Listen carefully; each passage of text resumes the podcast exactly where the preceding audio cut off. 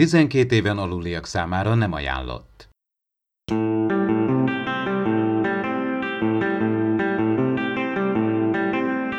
Ez itt az Impulzus Podcast, az űrszekerek Star Trek tematikus epizód kibeszélője. A fedélzeten Csaba, Attila és Dave.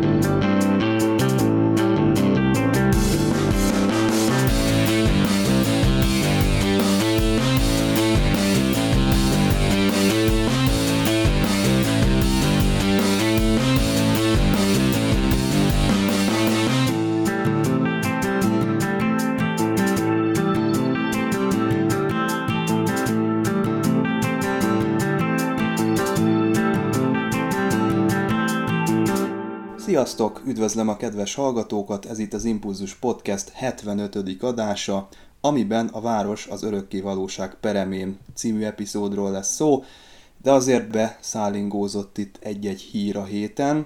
Többek között Jonathan Frakes borzolja a rajongók idegeit, hiszen egy harsonát twittelt ki, amihez még annyit hozzáfűzött, hogy ez az új projektje. Most itt a Star Trek rajongók egyből találgatni kezdtek, hogy vajon ez azt jelenti-e, hogy neki aktív szerepe lesz az új Picard sorozatban, és nem csak mint rendező, hanem mondjuk mint egy beugró mellékszereplő. De ha jól tudom, akkor azért Jonathan Frakes, ő játszik a harsonán, tehát nem csak a Riker karaktere lett úgy megírva, hogy ezzel a hangszerrel látjuk, hanem ő ezen a hangszeren igenis tud játszani, tehát akár az ő életében lehet valami teljesen más szerepe is ennek. Attila, elsősorban téged kérdeznélek erről. Frakesről tudni kell egyébként, hogy ő nagy munkamester, tehát eh, ha ő kirak valamit, ott azért nagyon vigyázni kell, mert lehet, hogy tréfa, amit kirak, de lehet, hogy nem. Való igaz egyébként tényleg itt nagy, tud játszani egyébként ezen a hangszeren is, azért mondjuk a basszusgitár se messze tőle, de valószínűleg itt inkább csak egy tréfáról lesz szó, hogy maximum, hogy tényleg ne várjuk azt, hogy na most a Picard sorozatból gyorsan lekapja a szemüveget, és egyből az egyenruhában átfut a kamerának a másik oldalára, de nála azért nem lehet tudni. Ha csak nem az, hogy most már végre van egy kis ideje, hogy tényleg akkor egy otthon a szabad idejében tényleg ismét felfrissíti a zenei tudását. Egyelőre még azért ne várjuk azt, hogy most Riker megjelenik, bár hozzá kell tennem, azért nagyon sok rajongó azért szeretné, hogyha az új Pikás sorozatban azért a régi Enterprise legénységének a tagja ezzel legalább úgy néhány másodperc azért felfeltűnjenek, azért más nem egy, epi- egy jelenet kedvéért. Tehát ne váljunk túl sokat ettől a hírtől. És hol is szakadt meg itt a történet? Ő a Titánnak a kapitánya lett a Nemezisnek a végén. Ő a Nemezis után őt kinevezték egy, egy, kis, hát egy kisebb méretű hajóra, az USS Titánra, és utána majd később ő tulajdonképpen, amikor admirálissá nevezték ki, akkor mivel lehetett választani, hogy melyik hajót használni az zászlós hajónak, akkor ő a Titánt választotta. Hát az Enterprise nem választhatta, mert arra ott volt Data például, elméletileg úgymond admirálisként még ő is feltűnhetne. Hát egy rövid szerepet el tudok képzelni, azért a Voyager-be is LeVar Burton kapitányként tért vissza, nem volt neki hát ő nagy... is egy, egy, azért emlékezzünk azért első vagy második évadban ő is megjelent, amikor a Kate Q éppensége kicsit felbozolta Voyager legénységének az életét, ő is azért megjelent egy, egy jelenet erejéig. Egy ilyen, ilyen apró kis nyuanszot azért el tudok róla képzelni, hogy esetleg megjelenik egy jelenet erejéig, de szerintem inkább a rendezésre fog koncentrálni, vagy koncentrál. Apró utalásnak elfogadható. Hát igen, itt a, ugye a Marina Sirtis is, amikor a Discovery forgatása közben megjelent, akkor gondolkodtunk sokat, hogy mi lesz az ő szerepe, aztán végül is nem lett abból se semmi, csak beugrott és üdvözölte a Jonathan-t. Na de, elég érdekes információk láttak napvilágot James Doohanről is. Azt eddig is tudtuk, hogy ő a háborúban aktív szerepet játszott, a második világháborúban, és talán az is ismert volt, hogy ő a partra szállásban is részt vett.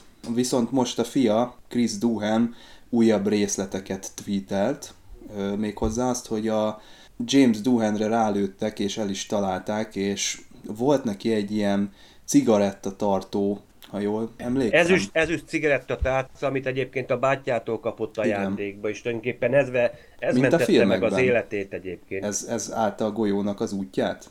Igen, igen, hát valószínűleg lepattant, tehát azért az ilyen cigarettaptát általában azért tudjuk azért a, általában a szív fölötti zsebbe szokás tartani, és valószínűleg Gellert kapott rajta a golyó, és akkor emiatt Igaz, mondjuk más sebesülése is történt egyébként James Duhennek, mert a jobb kezén azt hiszem a középső ujját az is megsérült, és most nem tudom, hogy leszakadt, vagy amputálni kellett, de ez tényleg egyébként nem lehet sose észrevenni. Ez nagyon, nagyon alaposan kell nézni bármelyik filmjét, hogy észrevegyük, hogy tényleg itt az, a kezén sérülés van. A fia azt nyilatkozta, hogy ő mindig gondosan figyelt arra, hogy ne látszódjon az a keze, amin hiányzik az ujja, és én néha-néha szoktam figyelni, mert ezt korábban is lehetett tudni, hogy neki nincs meg az ujja, és egyszer se lehet látni tényleg azt a kezét, amin, amin hiányzik a középső ujja, azt hiszem. Igen, igen, a középső ujjáról van szó. Na hát ezt a Jobb kezén, nem, nem nagyon lehet észrevenni.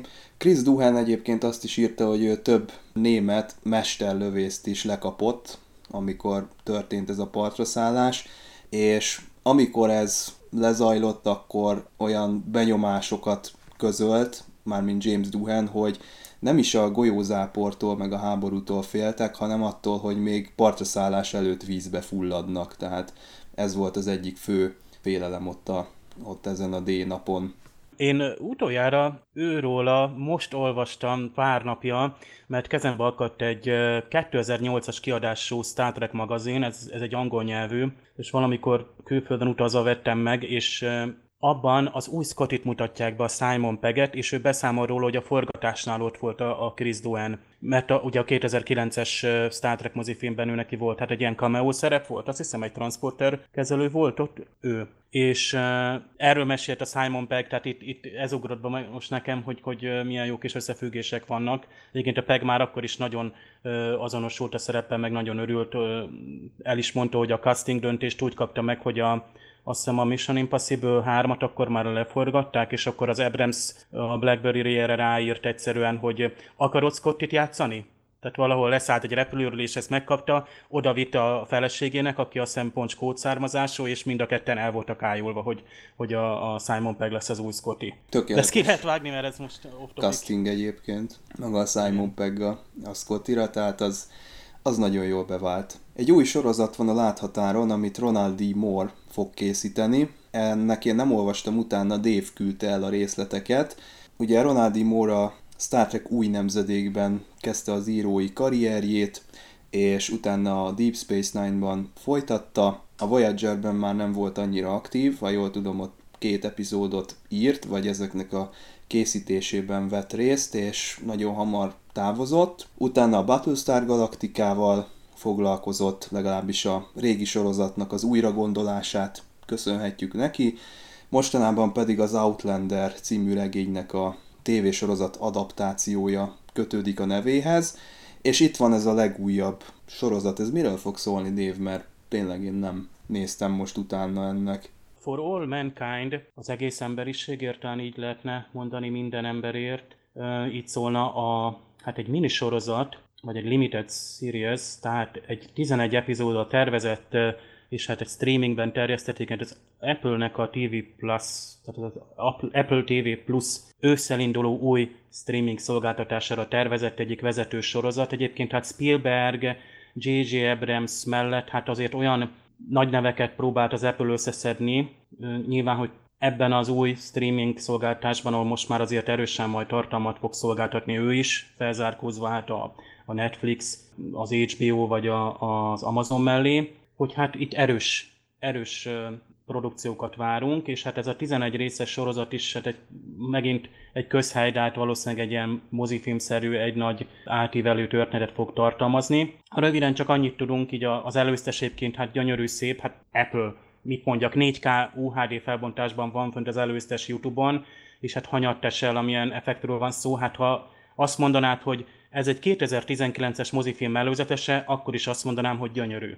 De ez egy 2019-es TV sorozat. Hát nem TV, már itt a tévét el is kell felejteni. Valami nagyon nagy képernyőd van otthon, amire valahonnan sugárzol valami nagyon jó minőséget képben és tartalomban is. Az Apple valami ilyesmit gondol el, és állítólag nem csak Apple eszközökre lesz elérhető, hanem ilyen okos tévéken is, mint applikáció lesz elérhető az Apple TV Plus. A sorozatról, tehát most már tényleg csak egy mondatban, egy alternatív történelmi fikció voltak éppen, méghozzá, hogy 1969-ben, ugye a sorozat szerint nem nyeri meg az USA azt az egyébként tényleg nagyon szoros versenyt, ami ugye tényleg heteken és apróságokon múlott, ami a holdra szállásért folyt, hanem a Szovjetunió nyeri meg, és ennek hatalmas kihatásai vannak az amerikai űrprogramra. Mint ahogy a szovjetre is, hiszen a szovjetek gyakorlatilag feladták. Tehát, hogy a, a magát a holdra lépést vagy holdra szállást nem ők valósították, meg ott ők visszaléptek és más irányba mentek tovább és itt az asztronauták családjaira is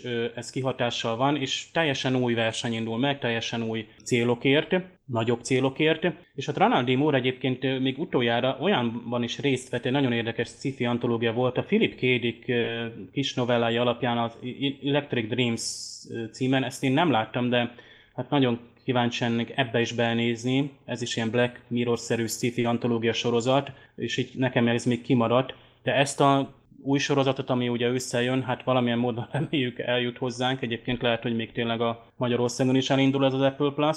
Ezt nagyon várom, tehát tényleg Granadi Moore azért, most itt Csaba tényleg téged kellene kérdeznem, hogy a, például a Battlestar Galacticánál ugye, hogy egy meglévő anyagnak a nagyon sikeres rebootja, pont itt van a cikkben is, ami erről a sorozatról szól, hogy itt nincsen olyan előzmény, mint a Battlestar Galacticánál, vagy a Star Treknél, vagy pont az Outlandernél. Nincs sorozat vagy regény előzmény, hanem ugye a nullából építkezik, bár a történelmi események mint előzménynek tekinthetők. Ez szerintem pont izgalmasá teszi. Attila, téged pedig azért kérdezlek, mert te meg ugye a Man in the High Castle sorozatnak vagy rajongója, ami szintén egy ilyen fikciós, alternatív második világháború utáni történelmet mutat be, félelmetesen pontosan meg drámai erősséggel. Tényleg az utolsó pillanatig az oroszok, Szovjetunió tényleg készült arra, hogy holdra szállás megvalósítják, ideológiai célból, nem tudományos célból, tehát ezt hozzá kell tennem, hogy az űrverseny Szovjetunió oldaláról tulajdonképpen egy ideológiai háború volt, hogy igen, mindenben, ahol lehet, előzzük meg az amerikaiakat, a nyugatiakat, és amint látszott, vagy valamiben mondjuk vesztenek, akkor hiába az a rengeteg felhalmozott tudás, technológia, az gyakorlatilag veszni hagyták, hogy tényleg rubel milliárdokat költöttek a holdraszállás projektjére, hogy akár a hajtómű, akár rakéta, a űrhajós kipképzés, mindenre, és ezt veszni hagyták, mert nem ők az elsők. És gyakran tényleg olyan hajmeresztő dolgokat engedtek meg maguknak, azt mondjuk egy normális ember azt mondaná rá, hogy hát ez, ez hülyeség, meg tényleg pénzpocsékolás, hogy megveszni hagyni ilyen lehetőségeket, mert azóta se láttunk azért tényleg orosz, orosz ember nem lépett a holdra, sőt még tulajdonképpen más nemzetiségű se, tehát én is mondjuk várom, hogy milyen, mit tudnak ebből kihozni, mert történhetett volna így is. Ez a sorozat egyébként a Apple produkciója, tehát ő finanszírozta és ő hozta létre, tehát mostantól neki is lesznek ilyen exkluzív sorozatai? Teljesen úgy tűnik, hogy ez a, ez a felállás, tehát hogy én már ő is tartom szolgáltatóvá lép elő. Egyébként idegen tartalmakat is fog szolgáltatni, tehát különböző, tehát ilyen televíziós amerikai csatornák szolgáltatásai is elérhetők lesznek belefoglalva. Tehát úgymond biztosra megy, és a saját produkciókkal szerintem meg akarja erősíteni azt, hogy hát emlékszünk a CBS All Access indulásakor is fölmerült az, hogy na jó, de miért fizessek elő, mondta az átlag amerikai.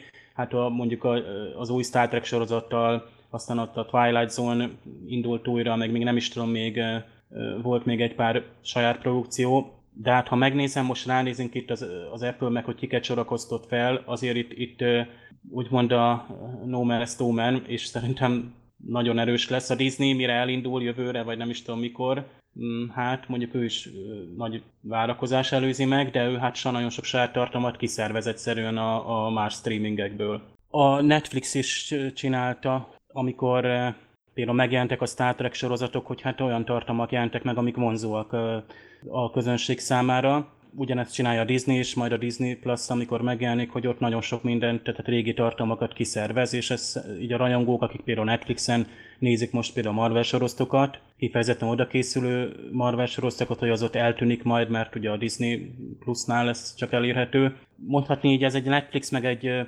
Disney konkurencia lesz az Apple TV Plus, és érdekes például, hogy Spielberg is ott áll, aki szerint egyébként meg, hogy pont a Netflix az, az nem is kéne, hogy gyártson például mozifilmeket és most pedig maga Spielberg Amazing Stories címmel majd egy sci-fi antológia sorosztot készít az Apple TV-re, bár azt is azt hiszem valami reboot-szerűség lesz.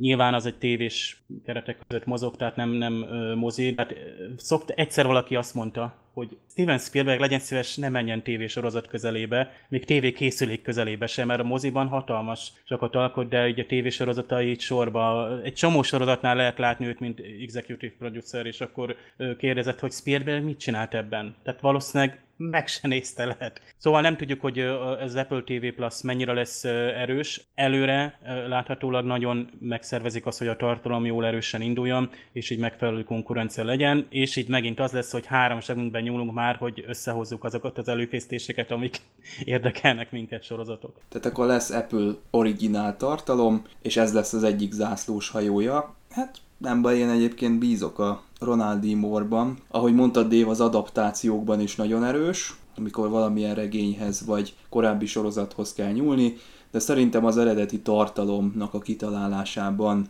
sem kell szégyenkeznie, hiszen hogyha megnézzük mondjuk az új nemzedék vagy Deep Space Nine epizódokat, akkor nagyon sok karaktert és új történetet tudott ő kitalálni, úgyhogy ebben a tekintetben nem kell őt féltenünk. Figyelem! A műsorban spoilerek bukkanhatnak fel. Hát amennyire vezeti a Star Trek népszerűségi listákat, mint ö, legkedveltebb epizód, olyannyira viszontagságos a háttere ennek az egész történetnek. Ez pedig annak köszönhető, hogy Harlan Ellison volt az eredeti szerző. Ő egy hát nagyon termékeny és emellett elismert skifi és fantasy író, aki hát nem az optimista jövőképbe vetett hitéről volt híres, bár annyi mindent írt, hogy azért ezt sem jelentem ki teljes bizonyossággal, minden esetre jobban ismerjük azokat a műveit, ami kicsit borúsabb, és hát az eredeti forgatókönyv, amit ő ehhez a epizódhoz írt, ez is egy kicsit sötétebb volt, mint amit végül Gene Roddenberry és DC Fontana kipofozott belőle. Mondom a fő változtatásokat, ami lényeges a kezdeti változatban még nem Dr. McCoy-nak a karaktere szerepelt, hanem egy teljesen új szereplőt talált ki, egy ilyen random tisztet a hajón, akit úgy hívtak, hogy Beckwith, nem tudjuk, hogy ő milyen posztban szolgált itt az Enterprise-on, viszont az bizonyos, hogy ő drog problémákkal küzdött, és volt neki egy Löbek nevű társa, aki már hát a határán volt annak, hogy jelentse ezt az egészet, és a történet azzal indult volna, hogy ő a Beckwith az megölte ezt a löbeket, hogy ne derüljön ki, hogy ő ilyen drog problémái vannak, és elmenekült arra a bolygóra, ahol ugye most a jelenlegi változatban az örökké valóság őrzője van. Ez az eredeti forgatókönyvben sem, abban sem így szerepelt, hanem volt egy őrzőknek nevezett ősi és titokzatos civilizáció, és ők hoztak volna létre egy ilyen úgynevezett idő-vortexet, amin keresztül ez a Beckwith, ez a gyilkos tiszt, ez elmenekült volna a 30-es évek New Yorkjába. Hát feltételezem, hogy itt láttuk volna ennek az ősi civilizációnak a tagjait, esetleg ott, ott lett volna valami benépesített város, stb., amire hát nem nagyon volt keret az epizódnak a, a létrehozásánál. De nem csak erre nem volt pénz, hanem Ellison úgy képzelte el, hogy amikor a Beckwith megváltoztatja a múltat, akkor az Enterprise helyett megjelenik egy ilyen kalózokból álló, hát elég barbár hát ilyen tüköruniverzumhoz hasonlítható csillaghajó, aminek nem tudom, hogy mi lett volna a szerepe, mert azon kívül, hogy lett volna, nem sok említés van a Memory Alfán.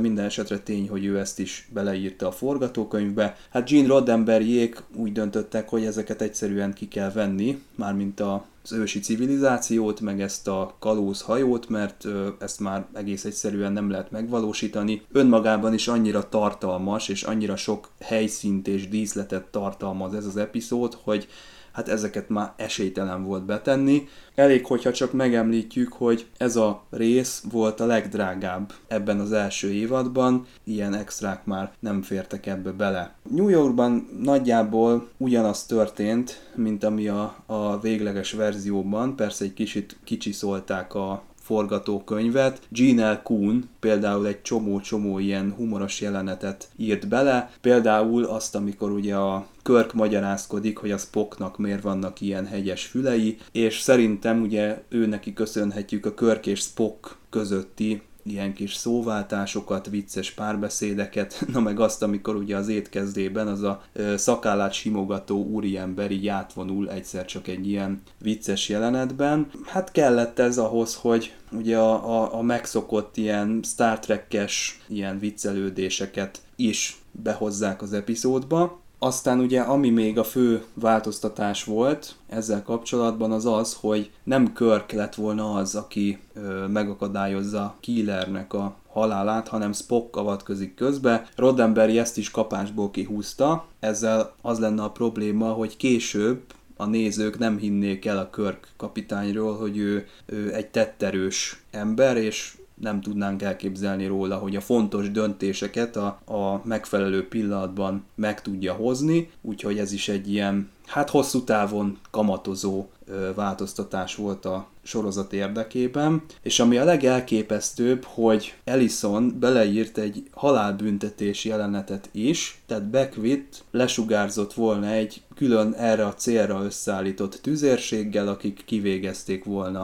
a bolygón. Hát Roddenberryék ezt természetesen azonnal eltávolították a, a történetből ezt, a, ezt az egészet. Hát ezeknek köszönhető az, hogy Roddenberryék azt mondták Ellisonnak, hogy ők inkább átdolgoznák jelentősen ezt, a, ezt az egész forgatókönyvet, mielőtt még az adaptáció elkészülne. Ellison azt mondta, hogy oké, okay, de ő maga szeretné elvégezni azokat a módosításokat, amiket Roddenberry csapata kifogásolt, és elküldött nekik egy második verziót. Na most ebben a változatban sem maradt meg sok az eredeti elképzelésekből, ugyanis DC Fontana és Gene Roddenberry összesen két eredeti sort hagyott meg, minden mást teljesen átírtak benne. Ugye bár Ellison ezt a halálbüntetést ezt megváltoztatta a végén egy olyan történetre, hogy a Beckwith az átlép Edith Keelernek a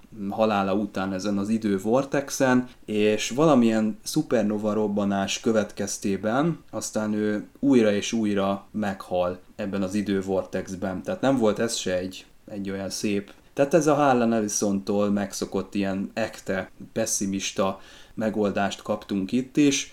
Hát Roddenberryék természetesen ezt teljesen kivették, és a Beckwith karaktere helyett tették be aztán ugye Dr. McCoy-nak ezt a burlesque filmekbe illő jelenetét, amikor ugye a hajó ráfut egy ilyen időörvényre, és ő véletlenül a teljes dózist beadja magának ebből a kordrazinból. Hát igen, ez, ez még az epizódnak az eleje, tehát itt még azért meg kell várnia azt a, a nézőnek, amíg teljesen rendeződnek itt a, itt a történetszálak. Egyébként szerintem látszik az az epizódon, hogy ilyen, ilyen nagyon sok ö, elemből lett össze legózva, ami nem baj egyébként. Szerintem ettől lett ez előnyére vált, hogy több ember gondolkodott rajta, tehát maga Harlan Ellison szolgáltatta a skifit, és, a, és az alapfelvetést, ami nagyon jó, tehát egy ilyen személyes dráma és a, és a globális jövőnek a megváltoztatása. Aztán a Gene L. Kuhn hozzátette a tipikus Star Trek humoros részeket, és Gene Roddenberrynek köszönhetjük, gondolom én, na meg DC Fontánának ezeket az ilyen pozitív jövőképes jeleneteket, amikor ugye például az Edith Keeler arról prédikál, hogy a jövőben igenis a, az emberiség talál majd egy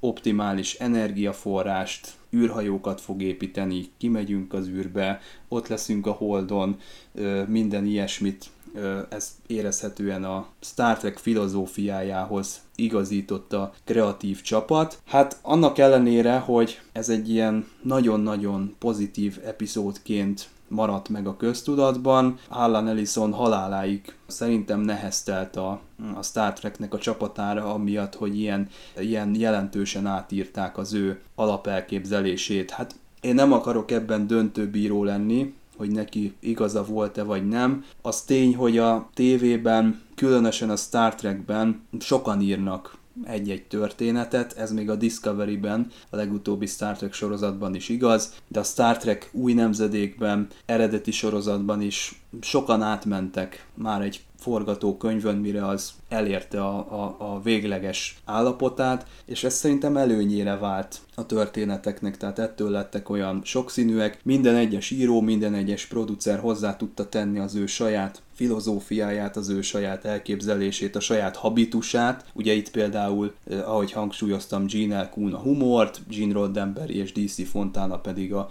pozitív jövőképbe vetett hitet tudta hangsúlyozni ezen keresztül, az epizódon keresztül, de ami a leges és ami miatt szerintem ez az epizód nagyon működik, az a Körk és az Edith Killer közötti kémia. Tehát hogyha ez gagyi lenne, akkor szerintem fele ennyire sem lenne jó az epizód, de William Shatner és Joan Collins annyira jól játszották el ezt a szerepet, hogy megáll rajta az egész, és egy, egy felejthetetlen élményként marad meg ez a, ez a romantikus szál is a történetben, ami generálja a személyes drámát. Még azok is, akik azzal a kritikával szokták illetni William Shatnert, hogy mindent túljátszik, minden túl szimpadias, még ők is elismerik, hogy itt a William Shatnernek a színészi játéka az kifejezetten jól sikerült. Egyébként, aki kíváncsi Harlan Ellisonnak az eredeti elképzeléseire, az megtalálhatja ezt az interneten, sőt úgy tudom, hogy még egy képregény is készült ebből, ugye,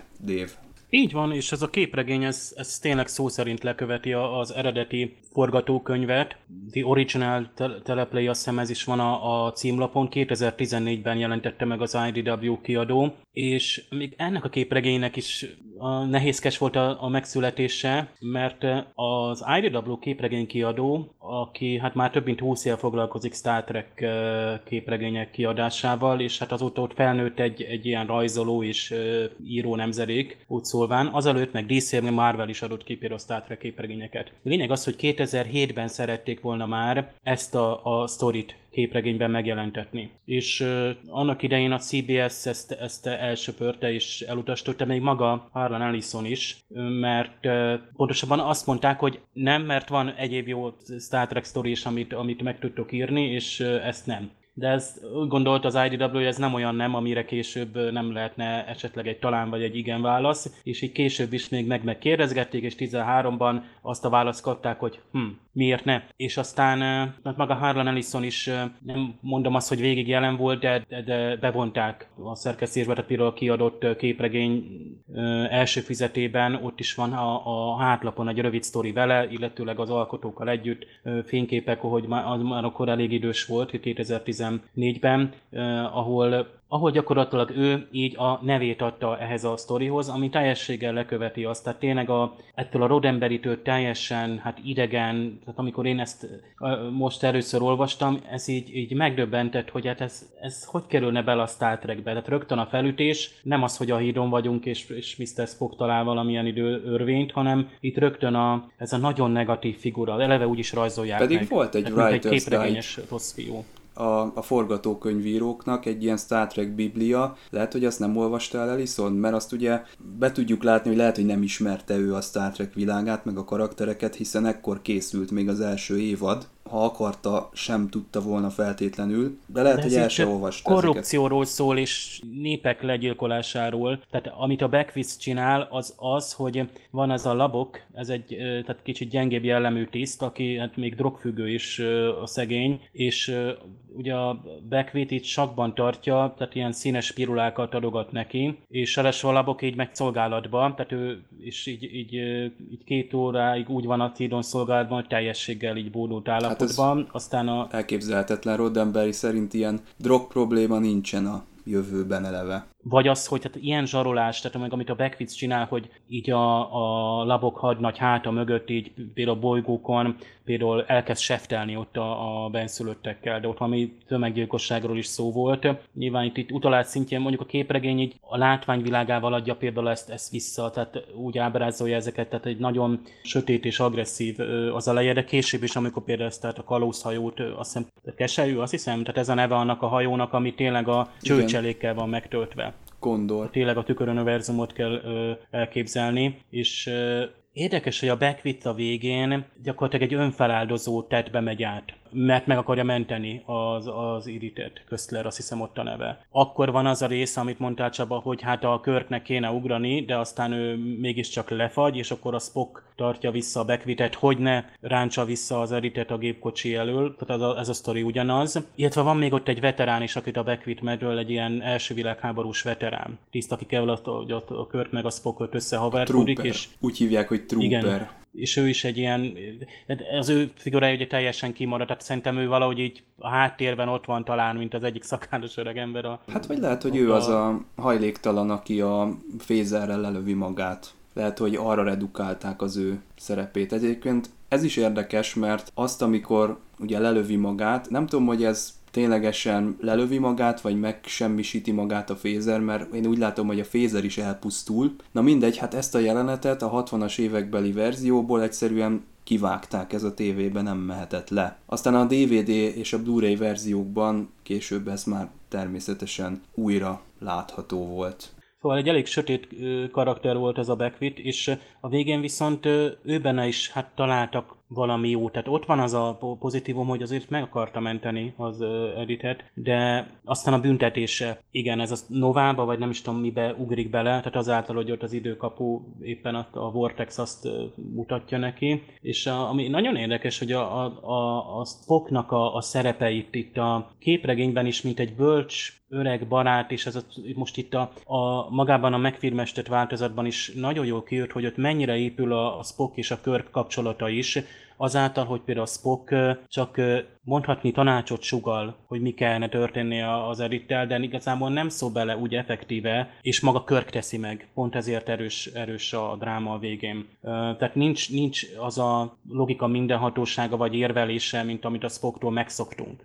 Vagy amit a Burnhamtől, hogy közbe is lép a logika ja, nevében. Ja, igen. A Spock az nem. Igen, képregényben mulatságos, amikor a, ugye ott a, ezek az őrzők, hát ott több őrző van, hát ilyen hatalmas szakállas öreg embereként ábrázolják, és valami hat öreg ember van ott a szem, és ott lehet is látni a romban távoli, ilyen távoli hatalmas romvárost, de az egész persze sematikusan, tehát szinte olyan, mint egy tényleg a forgatókönyv vázlata lenne, és akkor, hogy na így kell neki nézni, vagy így is nézhetett volna ki. És ott, ott már szóba kerül az, hogy vajon miért marad érintetlen a lent, tehát a, a lentiek, akik lent vannak, a, ott a bolygón, a, az őrzővel is ott az időkapunál, bár ott kifejezetten mondja is az őrző is, hogy ez nem időgép. Tehát itt ez egy vortex vagy egy folyam, és a Spock többször mondja, ki is mondja, hogy egy, egy folyam, ami megváltozik, ami megváltozott a múltban. Bár itt mondták, hogy a, a például ennek a Trooper, ennek a sorsa, vagy tehát ő nem volt annyira jelentős, mint az Edit, és tehát a nagy folyamban nem volt olyan hatás. Hát itt már az idő szemléletnek egy olyan nagyon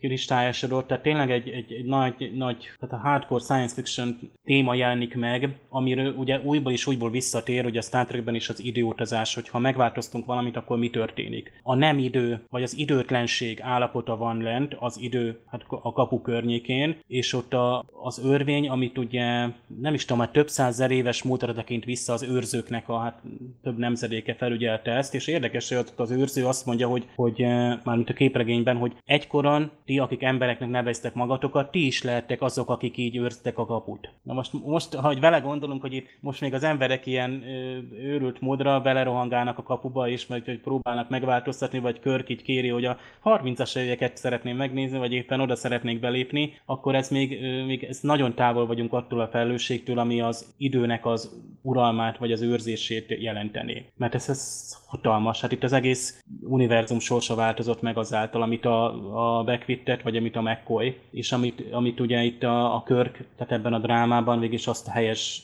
döntést hozza meg, hogy hát mégiscsak az univerzum sorsa fontosabb, mint az a, a, a románc, ami, ami szintén, tehát a, magában a filmben is, vagy az epizódban olyan szépen van ábrázolva, tehát a, a, a, itt annyira szívesen látjuk Körknek ezt a fajta hódítását. Olyan finoman indul, és, és tényleg ezekkel néhány jelenlettel föl tudják építeni azt a románcot, és, és vonzalmat és ragaszkodást, ami alapján értjük, hogy milyen nehéz vagy nagy döntés volt ez Körk részéről. És még egy apróság itt, hogy itt nem Uhura, hanem a Janice Rand van a képregényben, meg gondolom akkor az eredeti forgatókönyvben is, mert itt talán még az van, hogy Janice Rand a forgatókönyvírásakor még aktív van, ott volt Grace Whitney a, az epizódokban, tehát sokkal korábban íródott ez a forgatókönyv, és azt hiszem már szóba is ejtettük, hogy miközben a Harlan Ellison írta egy irodában forgatókönyvet, azt hiszem le is ment egy másik, még évad elejei epizód forgatására, talán még adott is valamilyen tanácsot. Ott ott besétált a, díszetek közé, most nem tudom melyik epizód volt az. Ja, itt meg Grace Levitt, tehát a, a Janice Rand. A Janice Randnek például olyan szerepe van, hogy hát például a, a Beckwith miután megöli a labokot, vagy labeket, ugye egy transporterrel menekül le a bolygóra, McCoyhoz hasonlóan a McCoy egy karateütéssel üti le a transporterkezelőt, a Beckwith letransportál is, vagy leheggeszti, vagy lezárja a transporter szobát, és a kör, tehát van egy óriási fézerpuska, ami hatalmas, és a képregényben, és a Körk azt mondja, a, hogy nyissa ki az ajtót segédtiszt, és akkor a, a Jenny Szerent fölkapja azt a hatalmas fézerpuskát, és szétlövi. Tehát ilyen, ilyen ö, szerepe van. Meg egyébként később, amikor el kell menekülni erről a kalózhajóról, akkor ott áramköröket köt össze, és akkor így menekülnek le, hogy aztán az őrzőt megkérjék, hogy helyreosztassák ezt az egészet.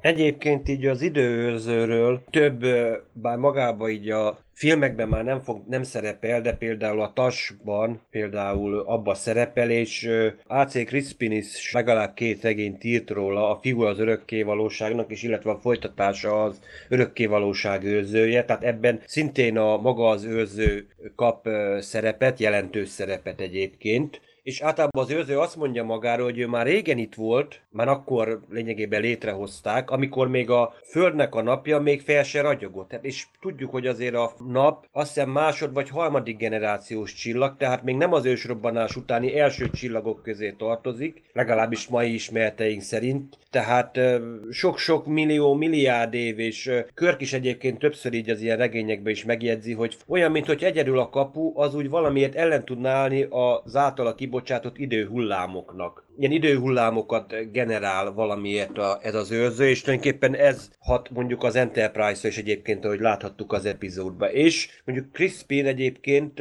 annak idején megalkotta egyébként szintén egy verziót a őrzőnek a tulajdonképpeni alkotóira, originátoroknak nevezte őket, akik eredetileg tulajdonképpen azzal foglalkoztak, mint tulajdonképpen nagyon sok későbbi faj, mint a megőrzők vagy a sárgon nép, hogy ők eredetileg ők is ilyen az élet elterjesztésével kezdtek el foglalkozni a világűrbe, hogy mindenhova elvittek ilyen szerves anyagot, minimális, és akkor majd, majd lesz belőle valami. Csak utána először úgymond kicsinek érezték az univerzumot, megép, ezért építették ezt az őrzőt, és az őrző először a múltba utazgattak vissza, de hát akkor még az a pár milliárd év az még nem, nem volt olyan nagy távolság az originátoroknak, mert ők már időközben ilyen nem anyagi lények, ilyen energialényekké alakultak át, és a végén tizen maradtak egyébként a 23 századra, és utána az őrző képes arra, hogy például párhuzamos világegyetemekbe is átküldjen bárkit, bárhova elvileg. Tehát olyan világokba is, ahol mondjuk más a fizikai törvény, hogy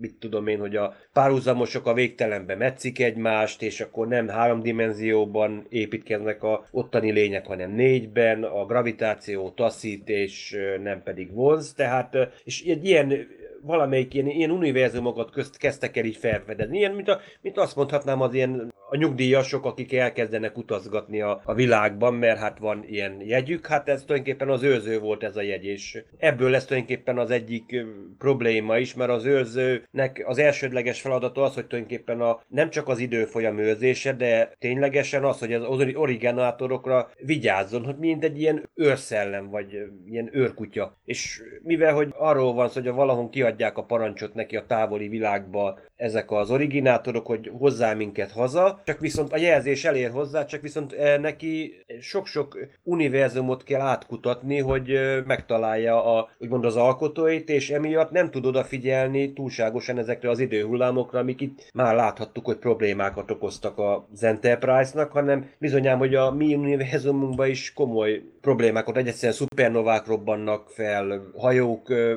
tűnnek el, mert egyszerűen az időhullámok miatt fel felgyorsul a, az időhullámoknak a nyomában, felgyorsul az idő, hogy gyakorlatilag mi részeveszi a legénység, már megvénül, meghalt gyakorlatilag nanomásodpercek alatt. És még van egy regény egyébként, ahol szintén, amit általunk ismert regény, egyébként a TNG sorozathoz kapcsolódóan az Inzadi 1 és 2, ahol maga Will Riker admirális, ahogy ismerjük egyébként a befejező epizódjából a TNG-nek, gyakorlatilag nem tud beletörődni abba, hogy élete nagy szerelme gyakorlatilag meghalt. Hát hiába mondjuk fújnak egymással Worf, hogy most ki volt ennek az oka. Ő idős admirálisként gyakorlatilag megszegve minden szabályt, ezt az időkaput veszi igénybe, hogy megpróbálja kijavítani magát a történelmet, hogy mégse veszítse el az életét Troy, tehát, és eközben egyébként meg is, megismerjük egyébként az előzményt is, hogy hogyan találkoztak össze. Laxana egyáltalán nem örült neki, hogy ő ott elkezd legyeskedni a lányok körül, tehát maga az őrző az nagyon sok helyen is felbukkan.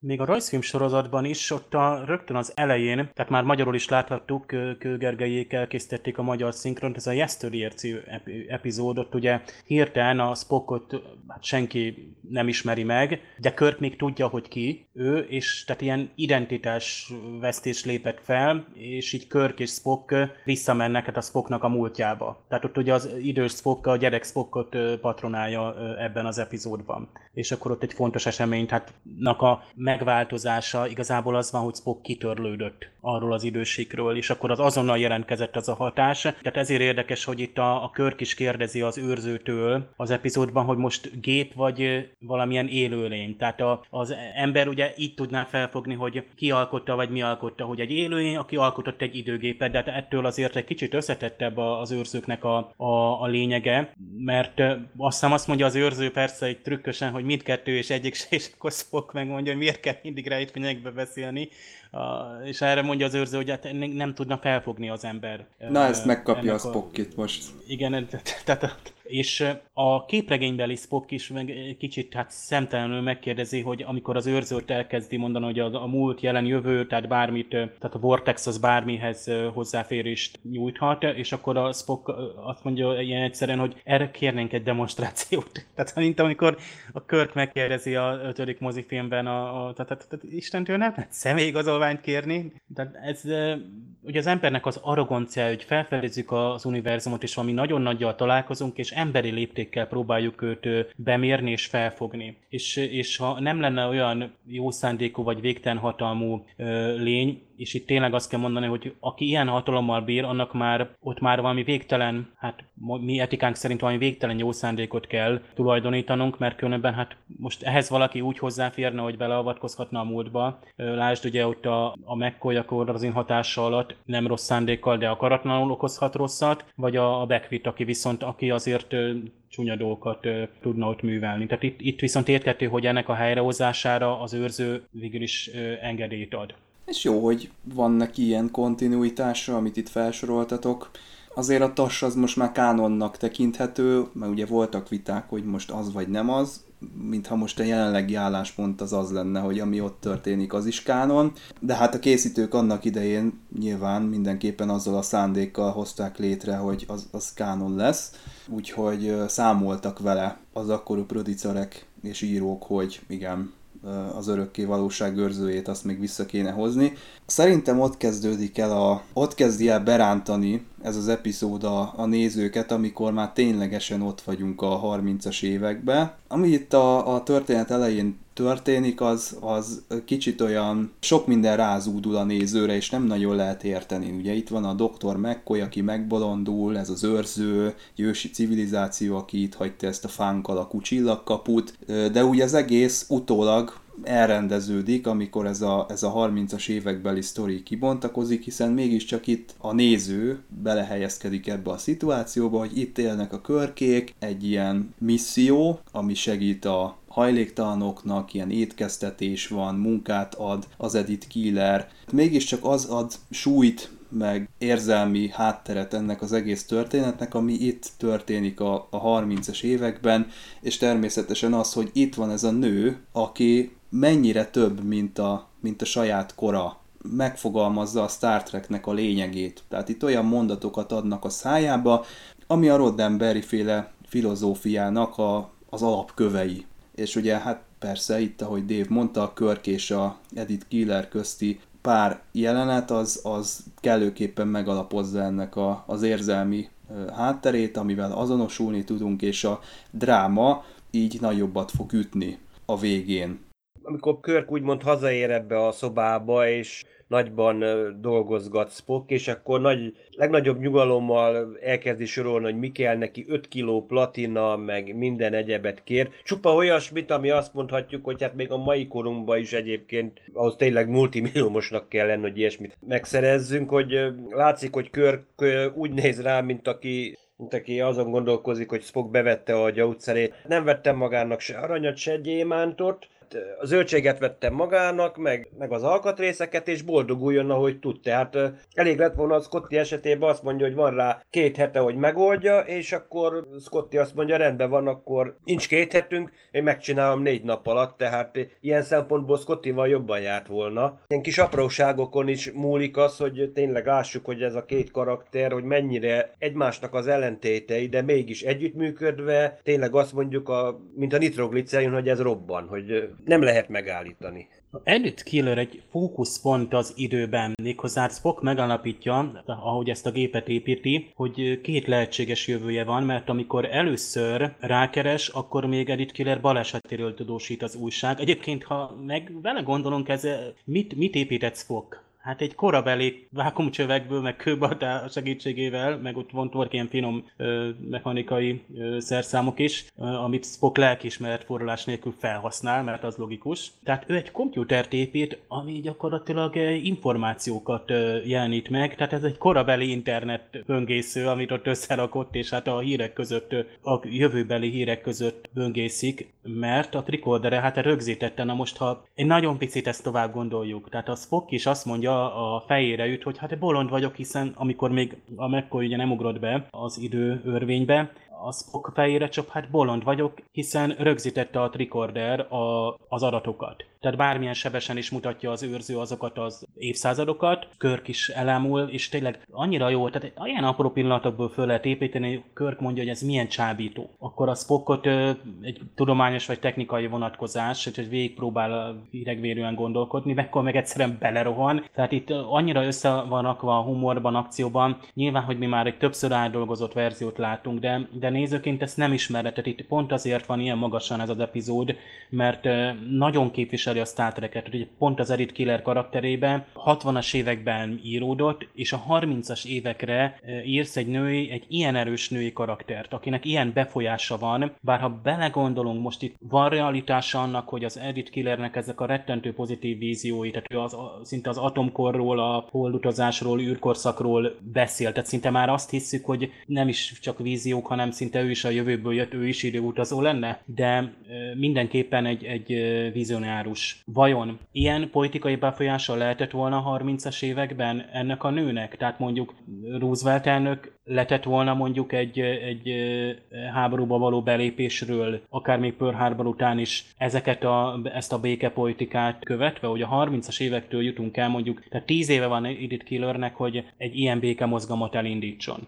Egy dolgot tudni kell a 30-as évekről. Amerikának még az első világháborúban még ekkor is gyakorlatilag a szemben álló államok tartoznak. Ugyanúgy tartozott az angolok, a franciák, mert állami hitelek, mert tulajdonképpen abból háborúztak, és mert tulajdonképpen érdekesség, hogy a, a háború alatt felvett úgymond háborús kölcsönöket egyetlen egy ország fizette vissza egyébként, és ez Finnország volt. Ezt mondjuk az amerikaiak úgy meg is jegyezték, hogy tényleg ez a kisállam ez kifizette az adósságot, a angolok meg a többiek nem. Tehát egyébként ekkoriban azért egy bizonyos fajta brit ellenesség volt, a, meg úgymond Európa lenézése már akkor is megvolt, hogy ők háborúznak, hát mi a, minek háborúznak, mi itt remekül el vagyunk itt németek, angolok, franciák, írek, olaszok, magyarok, németeknek a leszámozottjai, mi itt együtt remekül el vagyunk, jó, voltak egyébként egyéb problémák, de elvileg egy ilyen mozgalomnak, ha meglovagolja mondjuk úgymond az e, ilyen izolációs politikát, hogy na ne avatkozzunk be, majd az európaiak játszák le, amit akarnak, a problémáikat, hát minket az nem érdekel, ennek lett volna lehetősége. Másrészt pedig a szélsőséges, úgymond nácikkal szimpatizáló mozgalmak is voltak. Itt nem csak mondjuk a Kukluszkána gondolok, ami egyébként akkoriban azért még annyira nem a német náciknak szurkolt, hanem megvolt azért maguk ideológiája, hogy ők mit csinálják, csináljanak, mert nem, Hitlerre, Hitlerre nem voltak túlságosan kibékülve, de voltak például, hogy akár a szenátori székbe is bekerültek radikálisok, akik a nácikhoz hasonló ideológiát képviseltek, és voltak tényleg különféle ilyen katonai légiók is, hogy gyakorlatilag szinte már ilyen összeesküvéseket szerveztek, tehát a 30-as években azt lehet mondani, a, szinte azt mondom, a békemozgalmaktól kezdve még a, akár a Hitler típus, Hitler és a kommunista elvek, vagy akár a kommunista diktatúrához hajazó ideológiák széles palettáját találhatjuk Amerikában is, és nekem mindegyik meg, megfértek egymás mellett, és egy darabig mindegyiket hagyták érvényesülni, egészen addig, amíg esetleg nem zavarták úgymond a hagyományos ö, osztályoknak az érdekeit, és akkor utána tulajdonképpen kivéreztek ezek a mozgalmak. Na most ki, Edith, Edith Killer mozgalma valószínűleg abban volt másabb a többinél, hogy ő mondjuk nem volt ilyen hangzatos ideológiákat nem hangoztatott, hanem csak egy ilyen, egyfajta ilyen pozitív jövőképet próbál felfesteni. És mivel hogy azért tudjuk, azért a New Deal volt a szívecsücske egyrészt Rooseveltnek, hogy azért talpra kell állítani a gazdaságot, ez pedig úgymond neki, ez egy politikai támogatás is lehetett volna, hogy ha mondjuk nem, ha újra, újraválasztás esetén nem azt mondja, hogy nem most bemegyünk a háborúba, hogy most akkor a Európába támogassuk a demokráciát, vagy valamit, úgymond, hanem az, hogy na itthon akkor rendet rakunk, és tényleg megvalósítunk egy új modern társadalmat, ami akkor az egész világra utána lehetne alkalmazni. Hát a, ahogy Churchill mondja, hogy a demokráciát azt teljeszteni kell, az a legfőbb, legfőbb jó gondolat. Tehát lehet, lett volna, hogyha ennek egy létjogosultság, hogy ez a mozgalom úgymond, ha, ha nem kerül ellentétbe, ó, azt mondom, hogy a hagyományos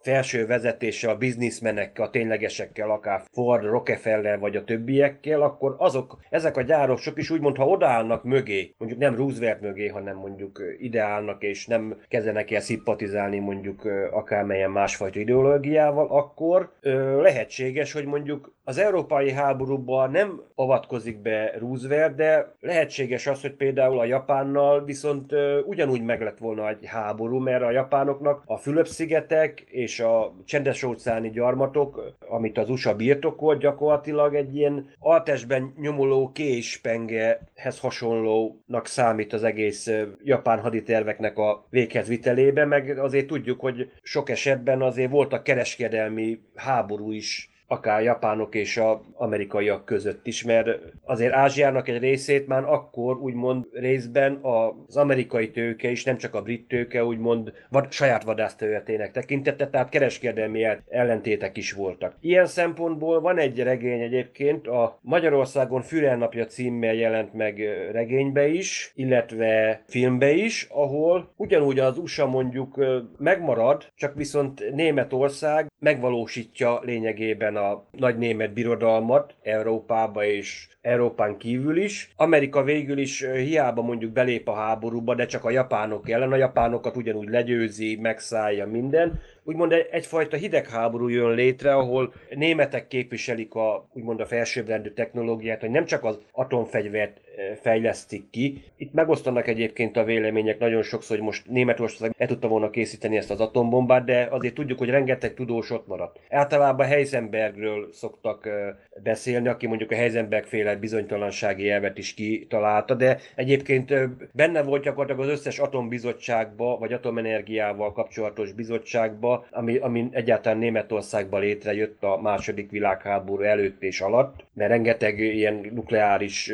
kísérlet volt egyébként Németországban, csak nem volt összehangolva úgy, mint mondjuk a Amerikában a Manhattan terv, tehát ő, vagy például Paul von Arden, aki sugárzás biológiából egyébként egy zseni volt, szintén maga területén, aki szintén ilyen kísérleti reaktorokat építgetett, meg még voltak egy páran, tehát elvileg egy lehetséges jövőt megtörténhet az, hogy a nácik és a német birodalom gyakorlatilag megvalósítja a nagy álmot emiatt, mert egyszerűen Amerika nem avatkozik be ott és akkor, amikor végül is beavatkozott, és emiatt tulajdonképpen Németország, és úgymond azt mondjuk ez a sötét jövő szabad teret kap. Vagy illetve lett volna egy másik verzió, ami megint az egyik kedvencemet az ember a Feldegvárban sorozatra utal, ami egyébként 62-ben készült regényről, regénynek az adaptációja, tehát szinte ugyanabba a korba íródott, Philip K. Dick tolla által, mint mondjuk a Star Trek, mert ez 62-ben jelent meg, hogy akár esetleg az is megtörténhetett volna, hogy nem csak, hogy Németország megnyeri mondjuk a háborút Európába, de viszont akár, mivel hogy se a japánok, se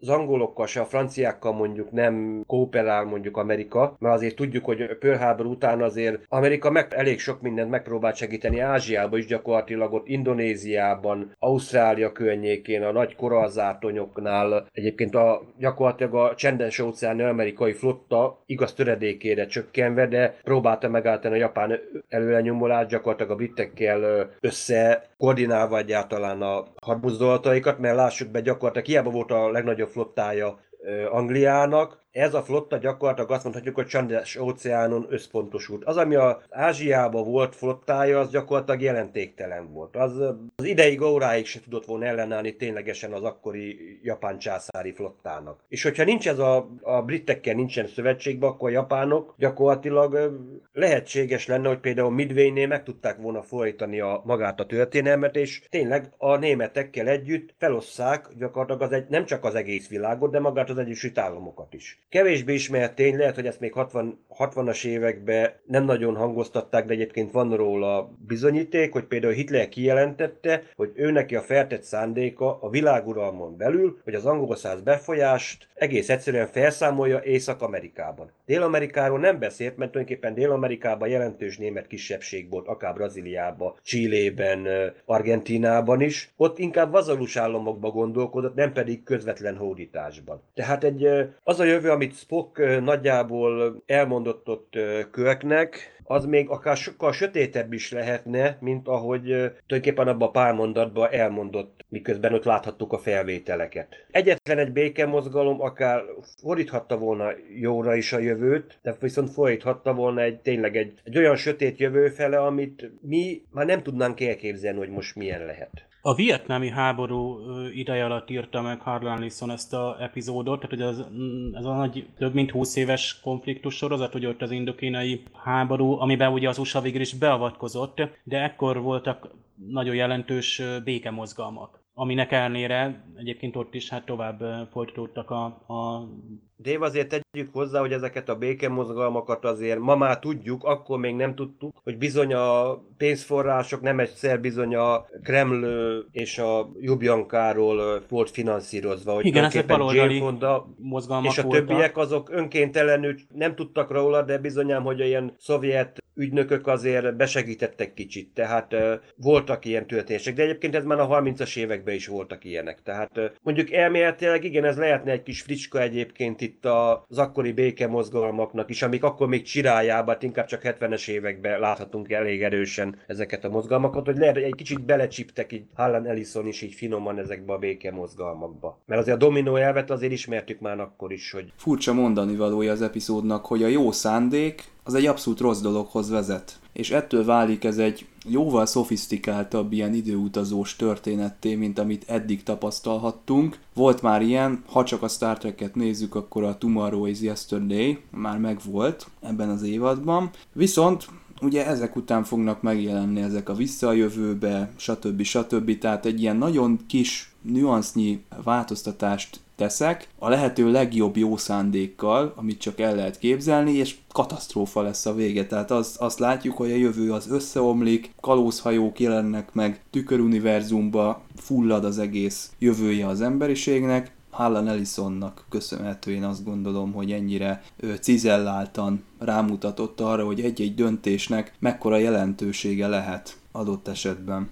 Igen, és ebben a korszakban azért ne felejtjük, azért 65-64-be játszódik, azért 60-as évek közepe. Tényleg nem láttuk a végét annak, ami most történik, hogy tényleg lehetett volna rosszabb is magába az epizódba. Azt mondják, hogy eltűnik az Enterprise, hogy eltűnik maga a Föld is. Tehát ha az eredeti Harlan Ellison féle verzió lett volna, akkor tényleg akkor létrejön egy ilyen, ha lehet nem is kalózhajó, de lehet, hogy ilyen bokacsattogtató, meg tényleg ilyen náci szvasztikával, vagy valami hasonlóval felszerelt űrhajók jelentek volna meg az univerzum univerzumba, vagy pedig tényleg, mivel tudjuk, hogy azért egy amerikai tudós fejlesztette ki a térhajtóművet, hát most már tudjuk, de egyébként magába ebbe a, magába a tozba is egyébként fogjuk látni egyébként Szefren Konkrent, spoiler, tehát lehet, hogy akkor a Föld nem került olyan helyzetbe, hogy egyáltalán kifejezzen egy térhajtómű technológiát, és lehet, hogy akkor előfordult volna egy olyan polgárháború jön létre, hogy gyakorlatilag kipusztul az emberiség. Tehát erre is utalhat arra, hogy a magyar folytásban azt mondja, hogy a Föld is eltűnt. Tehát akkor nem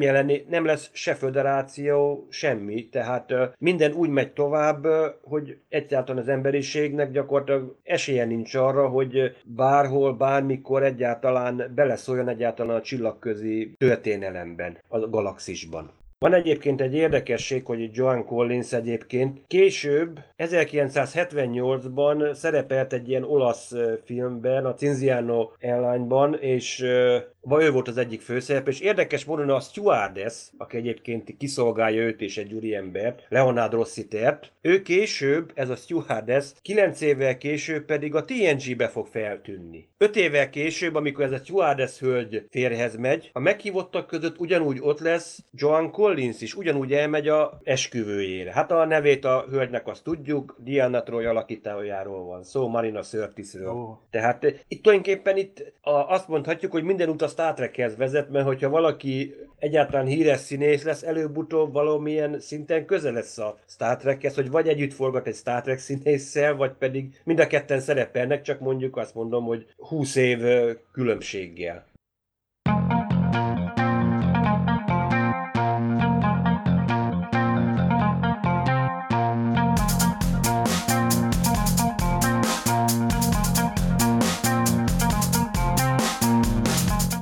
Díjat kapott a forgatókönyv, 25 évvel később egyébként a belső fény, a The Inner Light is megkapta ezt az elismerést, és nem véletlen én azt mondom, hogy érezték szerintem Roddenberryék is, hogy ez az alap szituáció, ez egy annyira jó felvetés, hogy ebbe érdemes mindent beletenni, és ők bele is tettek. Ugye DC Fontana és Gene Roddenberry hathatós közreműködésével készült el ez az iszonyatosan tartalmas és érzelmekhez is szóló, legjobb Star Trek epizódok között emlegetett történet. Kár egyébként, hogy Ellison hosszú ideig neheztelt a Star Trek stábjára, és hogy egy ilyen viszály lett ennek, a, ennek az egész dolognak a vége. Meg tudom egyébként őt is érteni, hiszen annyira alapvetően és gyökeresen írták át az ő sztoriát, hogy egyszerűen két mondat maradt az egész történetből, azt is az örökké valóság őrzője mondta, viszont hát azt ugye figyelembe kell venni, hogy ezt tévére kellett adaptálni, és hát igen, bizony a Star Trek világától és a karakterektől ö, teljesen idegen motivumok szerepeltek a, az alapműven, amit, amit nem nagyon lehetett úgy hagyni, de én azt gondolom, hogy szinergia, tehát ez az, amit, amit itt látunk, minden egyes alkotónak a lehető legjobb tulajdonsága az, ami reprezentálódik ebben a történetben, és a képernyőkön is ez a lehető legjobban sült el. Joseph Pevney, abszolút rutinos rendező, Star Trekben is már rendezett négy epizódot ezelőtt, úgyhogy biztos kézzel levezényelte ezt az egészet. Díszletek, amiket már korábban is láttunk a Miri vagy a Return of the Archons című epizódban, teljesen jó alapot szolgáltattak ahhoz a korabeli New Yorki történethez. Főleg ez az előző epizódhoz képest egy hatalmas kontraszt, a The Alternative Faktorhoz képest. Elkezdi nézni valaki, és látja, hogy hú basszus, hát itt azért történnek a dolgok, és tényleg az alapvető építő elemek, a humor, a dráma, a skifi, és mindháromból a lehető legjobb. Tehát mindegyik nagyon ott van a szeren, minden alkotó, aki ezekért felelős volt, az, az kitett magáért. A színészek úgy adták elő, ahogy kell. William Shatnert mindig dicsérjük, de most itt csillagos ötöst kell adni, ha eddig ötöst adtunk, akkor itt, itt azt kell mondani, hogy ö, nagyon visszafogott volt. Hát kicsit egy ilyen rossz fiút játszott egyébként, amikor ugye találkozik Edith Killerrel, akkor ő bevallja, hogy ő ellopta a ruhákat, a Spock is ott föltöri azt a kódot a lakaton, és akkor ő, ő, ő is ott felvállalja, hogy igen, elvettem a szerszámokat. Tehát itt már konfliktus lehetett volna egy végzetes ellentét, de, de az Edith Killer meg a, a Kirk már ugye olyan kémiában volt, hogy, hogy ez inkább a pozitív irányba terelődött ez az egész dolog, és nem eszkalálódott ilyen ellenségeskedésbe, és az Edith Killernek a karaktere is nagyon jól meg lett írva. Ez egyébként nem tudom kinek köszönhető, de ahogy rálát a Körknek a személyiségére és a Spocknak, hogy a Spock az mindig a, a Körkkel van, hát ez az alapvetés a, a, a Star Trekben, ahogy ugye Magdi szokta mondani, Pike kapitány mellett a Spock mm, nem működött olyan jól, mert mindketten visszafogott karakterek, viszont a Spock és a Körk, ők nagyon megtalálták egymást, kiegészítik egymást, ők a dinamikája a Star Treknek, és ehhez még hozzájön a McCoy-nak a szenvedélye, aki az emberi tulajdonságokat kidomborítja, tehát ez a triumvirátus, amin alapul az egész. Ez itt nagyon jól működik, teljesen Star Trek-es az epizód, emellett egy teljesen skifit is kapunk, és, és a komédiából is kijut a, a nézőknek. Én azt gondolom, hogy így kell tévére adaptálni egy, egy jó történetet. Valakinek van egy alapötlete, teljesen természetes dolog, hogy lesz egy olyan író, aki, aki ehhez hozzá szeretne szólni, vagy hozzá szeretné tenni az ő saját inputját, saját habitusának megfelelően, humoros vagy filozofikus irányba terelni ezt, a, ezt az egész történetet, és tényleg nem tudok jobb szót rá, ez egy, ez egy szinergia, ami, ami sok-sok gondolkodó és alkotó embernek a, a végterméke, és egy, egy olyan Star Trek, amit meg lehet mutatni az új nézőknek, mi az hogy. Tehát, hogyha ezzel kezdik, akkor, akkor ez a lehető legjobb választás. Ahogy Ted Sullivan is ezzel kezdte, ő is elmondta, hogy ez a kedvenc epizódja, 8 éves korában látta, és így tanulta meg azt, hogy egy kicsit tágabb perspektívában szemléje a történteket. Természetesen ez további gondolkodásra is sarkalja a nézőt, hiszen el lehet azon gondolkodni, hogy az egyes döntéseink azok hogyan befolyásolják a történelmet, és talán lehet, hogy Harlan Ellison azt akarta nekünk mondani, hogy igen, ne féljünk ezt kimondani, tehát a kis döntések magát a történelmet befolyásolják akár kiről és akárhol is van szó. Lehet, hogy az a hajléktalan, aki lelőtte magát a fézerrel, az nem befolyásolta a történelmet, de akár lehetett volna ennek a fordítottja is. Nézzük meg Edith Killert, aki a legjobb jó szándéka ellenére egy rémálommá változtatta volna az univerzumot. Hát azt mondanám, hogyha most pontoznom kellene ezt a epizódot, akkor tényleg azt mondom, hogy akkor tízből legalább kilencet adnék, mert nincsenek benne se ülcsaták, nem lövöldöznek benne, hát egyedül a szegény hajléktalan itt meghúzza a ravaszt, és tényleg itt szétpollassza önmagát, de igen komoly kérdéseket vet fel benne. Tényleg ez, hogy a pokolba vezető út jó szándékkal van kikölvezve. Itt tényleg erre látunk egy igen komoly lehetséges megoldást egyébként, hogy bizonyítva ennek az örök igazságát. Másrészt igen, láthatjuk, hogy mennyire veszélyes egyébként magával az idővel babrálni amit egyébként majd később a Star Trek többször is egyébként megmutat, hogy egy kis apróságon múlik, és tényleg ez a pillangó effektus, hogyha mondjuk Amerikában egy kis pillangó meglebbenti a szányát, abból olyan folyamat gerjesztődik, ami gyakorlatilag Ázsiában egy hatalmas tájfunt okoz. itt tényleg megint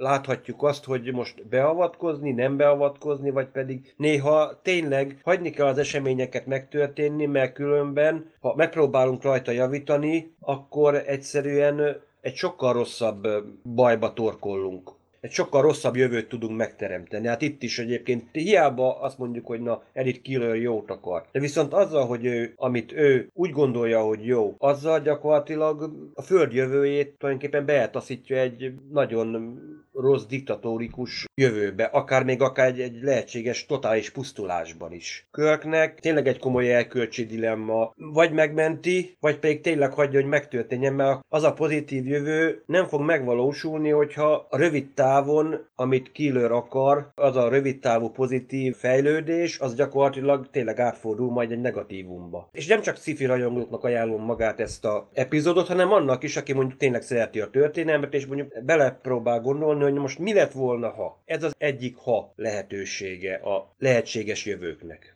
A legkiválóbb epizódok közé sorolják a rajongók, mert annyira időtálló a mondani való, hogy ezek a újkorban keletkezett toplisták még mindig ugyanazokat a méltatásokat tudják az epizódhoz kapcsolni, hogy a, a, a Star Trekre jellemző elgondolkoztató mondani való, amikor gyakorlatilag nem hagy téged egy epizódot, hanem nagyon sokáig még elgondolkozol a, arról, hogy mi lehetett volna akár ennek az epizódnak a kimenetele. Itt például az epizód vége talán egy picit hamarabb következik be, mint máskor. Nincs meg a kicsengés, az utolsó jelenet az, az hogy fölsugároznak a, a tisztek az Enterprise-ra, nincs megbeszélés. Máskor szokott például lenni. Hát a, az eredeti forgatókönyv, hát most én az adaptációt néztem a képregényt, hogy ö, egy nagyon komoly beszélgetés van Körk és Spock között. Körk a kabinjában van, a magányába zárva egy mély depresszióban, és hát Spock éppen egy jelentést hoz be, itt kapitánynak szólítja, de aztán átvált rá, hogy arra, hogy Jim, Körk említ is ezt, hogy most először szólít engem Jimnek Egyébként nem tudom, most ebben az epizódban hangzott el először ténylegesen, vagy már korábban is a Spock szájából, hiszen itt a Spock és a Körk azért itt időket töltenek lent. Tehát többször elhangzik az, hogy McCoy már közeledik, a gépet építeni kell, hogy meg tudjuk. Tehát teljesen olyan, mint egy, egy tehát szinte egy évad. Most az Enterprise-nak a szín évadjára gondolunk, nekem például a Fringe-nek a záró évada, vagy a negyedik évad jutott, jutott eszembe, amikor is ott is egy gépet építünk, és valami nagyon nagy cél, és valamit meg kell akadályozni. Tehát itt is, és néhány jelenetből a helyzetnek a komolysága ott van, amellett, hogy a, a, a kaland, a humor, a, a románc is ott van, tehát nagyon jó egyveleget alkottak, és itt az első évad végén ez tényleg felteszi a, az égkövet arra az évadra, amit azt mondjuk, hogy a legerősebb, és most már egyébként nem is kellett félni ennek az epizódnak a bemutatójakor azt, hogy, hogy nem folytatják a, a sorozatot. Költségvetésben is, látványban is kulisszák megteremtésekor, akkor jelmezek használtával itt költségvetést is túllépték, abban, hogy itt 250 ezer dolláros költségvetés, tehát itt az e- eredeti szériának a legnagyobb költségvetésű epizódjáról van szó, pedig még nem is mondjuk, hogy itt űrcsatákról lenne szó, de néhol érezzük, hogy egy stúdiókulisszák vannak, de másod viszont nagyon érezzük, hogy tágad a tér, és nagyon beleéljük magunkat az eseményekbe abba a helyszínbe.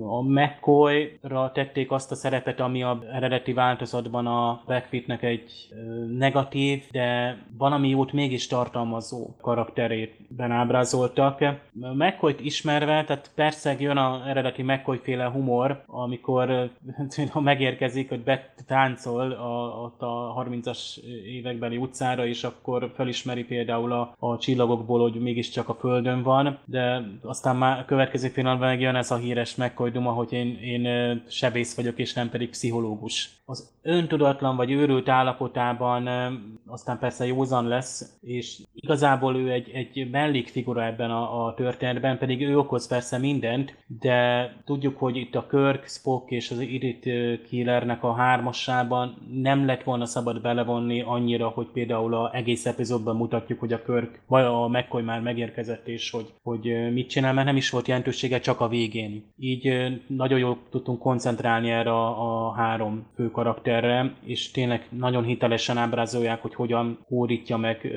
a Körk az iritet. Nekem így eszembe jutott a visszajövőbe, annak a harmadik része, amikor a Klárát hódítja meg a Dr. Brown azáltal, hogy ő, tehát ő is nőként, tehát Jules Verne rajongó és, és a, a jövőben él, látomásokkal, hát a Spockit az Edith Killerről azt mondja, hogy lehet, hogy csak találgat, lehet, hogy ez csak valami jóslat, valami megiklette. Tehát nagyon tetszik a Spocknak, hogy nem az a teljesen hűvös és közönyös hozzáállás, hanem nyitottan hagy lehetőségeket Körk számára is azt az utolsó döntést. Nagyon jó lett az a döntés, hogy itt nem kell a Spocknak közbeavatkozni, mert Körk van olyan erős, hogy megtegye, és elvárjuk a, ettől a kapitánytól, akinek ilyen erős a jelleme. Hihetetlen jól föl van már építve ekkor a karakter, és Shatner kellőképpen visszafogottan játszik itt az epizódban, tehát érezzük, hogy itt nem egy szokásos körkféle hódítás lesz. És ja, még igen, visszatérve, hogy, hogy az eredeti változatban a Körk és a, a Spock